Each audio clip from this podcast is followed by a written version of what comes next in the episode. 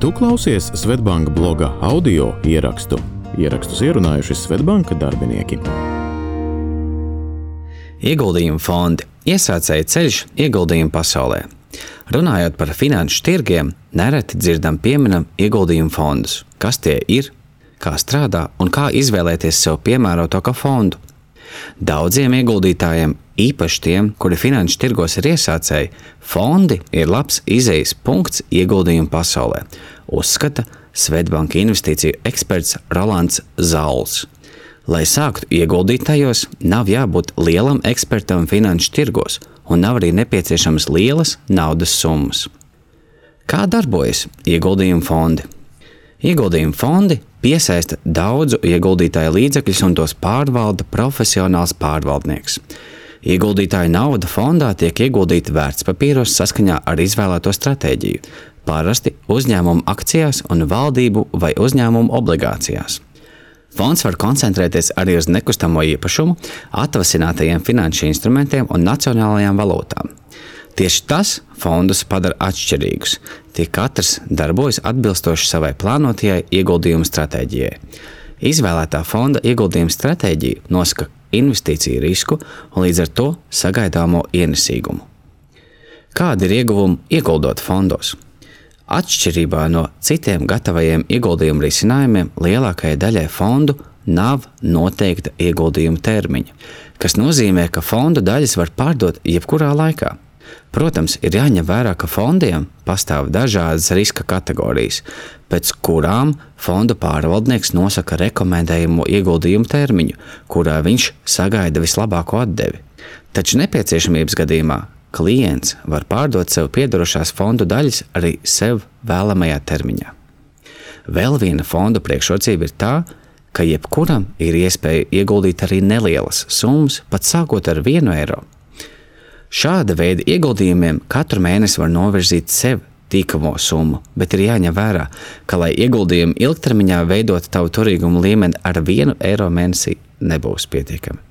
Tāpēc tik līdz ir aprasts ar savu līdzekļu ieguldīšanu finanšu tirgos, būtu vēlams sākotnējo summu pārskatīt. Rolands Zāles stāsta, ka startautiski pieņemts zelta standarts būtu 10% no savas algas pirms nodokļu nomaksas novirzīt uzkrājumos vai ieguldījumos. Kādi ir populārākie ieguldījumu fondi? Ir daudz un dažādu fondu veidi, no kuriem var minēt divas populārākās kategorijas. Pirmā kategorija ir tā saucamie aktīvi pārvaldītie fondi.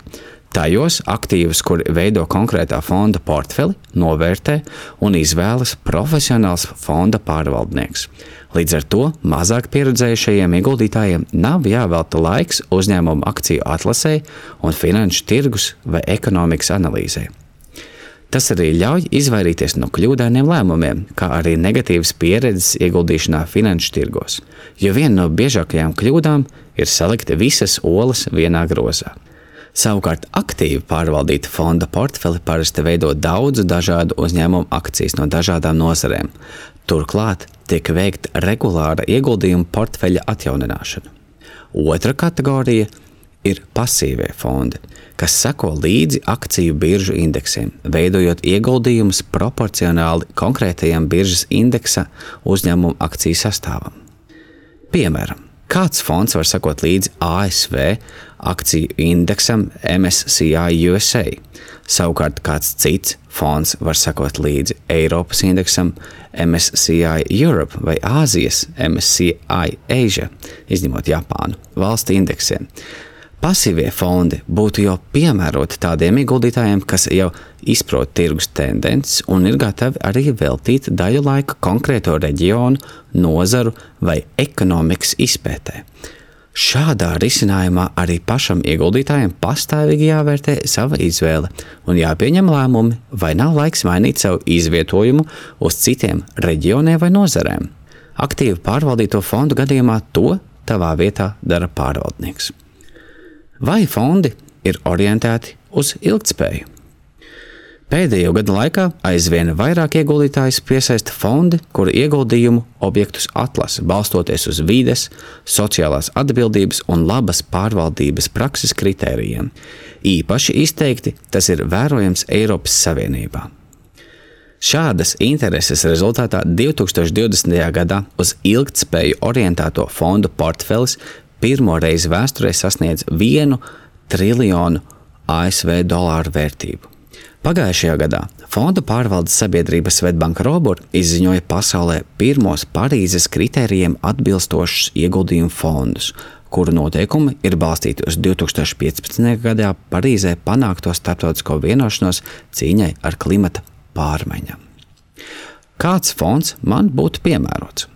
Izvēlēs fonds pēc sev vēlamās ieguldījuma stratēģijas, geogrāfiskās teritorijas vai darbības sektora, piemēram, enerģētika, nekustamais īpašums, biotehnoloģijas un citi. Atcerieties, jo fonda akciju īpatsvars augstāks, jo lielāks būs fonda daļu vērtības svārstības, un līdz ar to arī lielāks risks. Fonds ar lielāku obligāciju īpatsvaru visdrīzāk būs stabilāks, bet arī potenciālais ienestīgums ir zemāks. Tāpēc uzmanīgi izvērtē attiecīgos riskus atbilstoši saviem ieguldījumu mērķiem.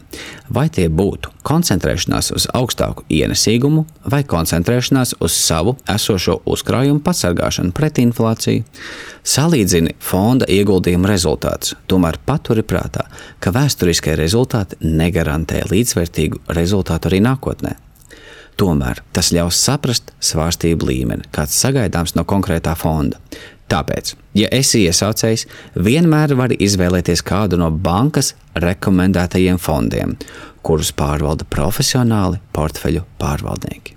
Kā spērt pirmos soļus? Lai varētu sākt ieguldīt, vispirms jāatver ieguldījumu konts vai vērtspapīru konts. Kad tas ir izdarīts, vari izdarīt izvēli par labu kādam no lielā fonda daudzuma saskaņā ar saviem ieguldījumu mērķiem. Turklāt, izvēloties Svetbank grupas pārvaldītos fondus, netiks piemērota maksa par fondu daļu pirkšanu, pārdošanu, maiņu un Svetbank grupas fondu daļu turēšanu. Piemērotāko fondu tu varēsi sev atrast, izpildot ieguldījumu anketu, kuras ietvaros tiks izvērtēta tava pieredze un zināšanas, plānotais ieguldījuma termiņš, finanšu situācija un iespējas, kā arī vēlme uzņemties riskus.